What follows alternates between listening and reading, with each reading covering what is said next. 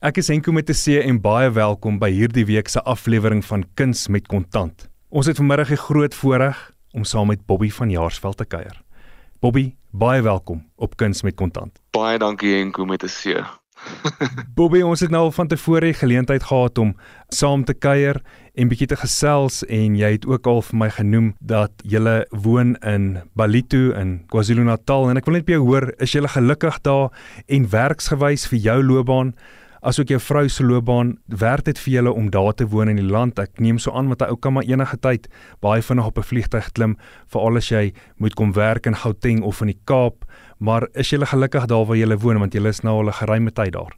Ja, baie. Ons is nou al so 5 jaar in Belito en ek moet vir jou regtig eerlik sê, daar is geen ander plek in die land waar waar ons anders wil bly nie. Dit is regtig 'n besonderse plek. Dit voel maar soos 'n tipe van 'n bubble waarin jy woon dis groen, dis warm, dis veilig, dis mooi. dis buitelewe. Dit is besonder lewe vir kinders veral. Dit maak dit baie maklik. Ons huis is letterlik 15 minute van die lughawe af. Daai hele Noordkus brei so vinnig uit oor daai lughawe daar is en omdat dit so maklik is. En ons het juist Belito gekies omdat ons baie werk of ek baie werk in Pretoria in die Kaap en alles. As jy moet vlieg, is dit onder 'n uur se vlug, dis 50 minute. En as jy moet ry, is dit 6 ure, so dis baie maklik, maar as ek nou Kaap toe getrek het en ek moet Pretoria toe ry, dan is dit nou 'n bietjie van 'n moeiliker situasie, maar ons is baie baie baie gelukkig daar. Ek is juist nou hier in Johannesburg besig om op te neem. Ek vlieg letterlik uit in en uit vir dit. So dit voel vir my as jy van Belito af vlieg, van Durban af vlieg dan daai uur in die lug sou ek anyway hier spandeer het 2 ure partykeer in verkeer van Pretoria af na Johannesburg toe.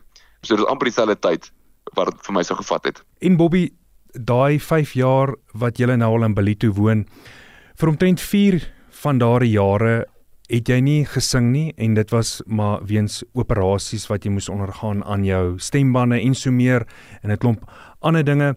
Was dit vir jou 'n tyd van spanning geweest toe jy nie kon optree en sing nie of het jy altyd geweet dat daar sal na 'n paar jaar weer tyd kom dat jy nuwe musiek sal kan vrystel en weer by vertonings sal kan optree? Dit was nogal rowwe tyd geweest want om eerlik te wees, het die dokters gesê dit sal nooit weer regkom nie. So jy het daar van jou kop afskeid geneem aan iets wat jy glad nie wil afskeid van neem nie.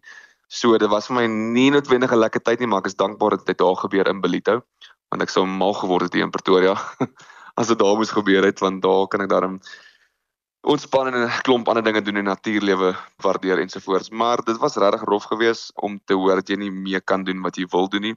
Maar ek het myself besig gehou met klomp ander dinge. Ek het so 'n paar besighede op die kant wat ek ook ook tyd aan spandeer. So maar ja, dit was vir my rof geweest om te besef dat dit dalk nooit weer kan gebeur nie, maar ek het basies half geweier om dit te vat, daai nuus te vat en ek het regtig vir 4 jaar lank net gebid en geglo en vertrou dat dit tog genesing gaan gebeur.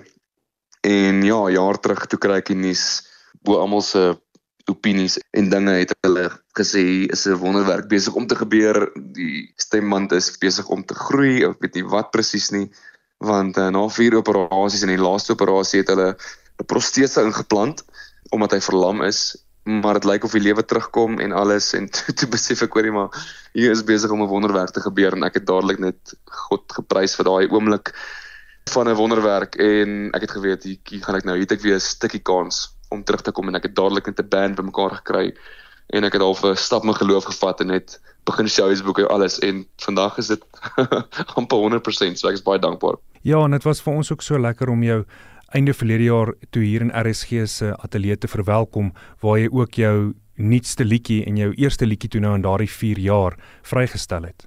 Ja, dit was 'n tydjie terug gewees. Ek is nou juist besig in die studio om 'n ander 'n splinter nuwe sang op te neem wat een van die dae uitkom. Sy naam is Verlore Seun. So ek hoop julle gaan dit speel en luister na dit. Dit is 'n baie diep liedjie, maar dit 'n lekker beat. Dit is 'n baie eerlike liedjie vir 'n slag. So ek het weer 'n bietjie die pen vasgehou en bietjie self begin skryf weer na al die jare. So ek is baie excited daaroor. Jo, ons is so bly om dit te hoor want ek wil tog by jou uitvind, het jy iets soos versekerings op jou stembande gehad voordat jy daardie terugslag beleef het? Ek het, ek het ek dink al 12 jaar terug uitgeneem ek het nog my makelaar gesê hoekom moet ek sulke goed uitneem? Want niemand wat ek ken ek hoor nie van sulke goeders wat gebeur in ons land basies nie. Toe wou ek dit glad nie uitneem nie maar toe toe sê hy vir my ek moet dit uitneem. Dis net veiliger ensovoorts. En toe verragtig toe gebeur dit met my. So dankie Here, ek het daai polis gehad. dankie tog daar was iemand wat oor jou pad gekom het en dit aanbeveel het dat jy dit 12 jaar gelede uitneem. Bobby, het jy iemand in jou lewe of het jy dalk 'n paar persone wat jou adviseer en wat jou help as dit kom by sulke besluite neem, veral finansiële besluite in jou lewe? Ja, ek dink ek het op elke vlak van my lewe het ek mense wat ek vertrou. Ek glo dat almal mekaar nodig het. As mense net meer kan besef, dan gaan die lewe baie makliker wees as om alles op jou op jou eie te wil doen daar's mense daar buite wat geswat het en wat 'n sekere pad gestap het vir 'n sekere doel en daar's 'n rede hoekom daai mense in jou lewe is so gebruik hulle. Nie lelik gebruik nie, maar ek bedoel net mense het mekaar nodig. So hulle kan my ook gebruik as ek iets beter weet as hulle miskien. So ons het mekaar nodig, maar ek het op elke vlak het ek iemand wat my adviseer. Ek het definitief geestelike vaders en ek het finansiële mense wat my lei. Ek het baie mense wat opinies ek vertrou. Ek het verseker mense nodig. En het jy dalk al kere in jou lewe gehad waar jy swak finansiële besluite geneem het as jy nou moet terugkyk? Ja, nee, verseker. Uh, ongelukkig ek het al baie besighede. Ek is 'n ou wat baie besig is en ek vat kansse en alles. So ek het al 'n paar keer my vingers verbrand en 'n paar keer geld investeer in plekke in wat nou nie mooi uitgewerk het nie of daar was maar oral 'n paar skelms daar buite. En ek is 'n ou wat te maklik mense vertrou en ek sien altyd die mooi en almal raak en baie keer het dit my so bietjie in my agtersteewe gebyt. Maar ehm um, mense word slimmer en jy stap 'n ander pad en jy begin die jakkalse sien daarso in die veld. Ja, en uit my ervaring met al die gaste met wie ons nou al gesels het hier op Kuns met Kontant, het ek ook ongelukkig tot die besef gekom dat die vermaaklikheidswêreld en bedryf het ook maar sy wolwe. Ongelukkig en die bedryf het ook maar sy slaggate waarna ou kan trap. Ja, ongelukkig, dit is maar oral. Elke elke game het dit. Ons is so 'n bietjie betrokke met steenkool en myne en krom en sulke goeders en daar's dit nogal baie erg al daai maffia en skelm mense daar buite, maar die musiekbedryf het 100% ook dit. Kyk, ons baie mooi praatjies, dag en nag praatjies wat glad nie sin maak of ooreenstem nie, maar ehm um, ek kry nogal die jong kunstenaars jammer wat net in die bedryf inkom want hulle soos ek vertrou enige Jan Rapp en sy ma daar buite en hoor almal se mooi praatjies en hoop maar vir die beste en dan teken hulle self vas basies in 'n sirkus in vas en ongelukkig moet jy dans volgens almal se se pype wat dit ja, 'n bietjie hartseer, maar mense moet maar eintlik ongelukkig self bietjie koppe stamp. Ek moes my eie kop stamp 'n paar keer om te leer. En dis maar ongelukkige leerskool. Ons moet maar weet wie om te vertrou en wie nie. Ja, dit is absoluut 'n leerskool en soos jy sê vir al jou jonger generasie en jou opkomende sangers wat in die bedryf inkom, hulle het baie vinnig en baie maklik sterre in hulle oë en dan word hulle die son en die maan en die sterre beloof en dan sal hulle enigiets teken en aanvaar net vir daai erkenning by die publiek. Dan is hulle geneig om nie daai kontrakte baie noukeurig deur te gaan en fyn te kam nie. En dan soos jy sê, as jy vasgeteken vir etlike jare. Oef, nee, jy kan vir jouself lelik daar vasteken ongelukkig. Bobby, maar ons sien geweldig daarna uit om weer van jou nuwe musiek te speel en ons sien ook daarna uit om jou sommer gou weer in die RSG ateljee te hê en weer met jou te kuier.